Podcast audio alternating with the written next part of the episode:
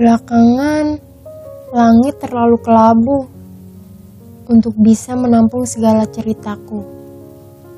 Aku terlalu takut untuk melangkah, seolah-olah langkah yang kita tapaki. Selalu terjadi hal buruk mengintai, tapi waktu memelihara segala kemungkinan. Jika waktu itu aku tahu perihal yang kita lakukan antara aku dan kau, mungkin dari bilik masing-masing,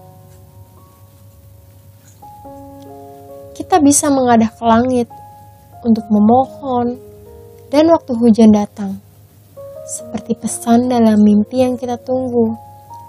Jangan sampai kita tutup rapat-rapat jendela, hordeng, dan bibir mungil kita. Kau dan aku, kita sama-sama meninggalkan dan sendiri-sendiri saling menjatuhkan.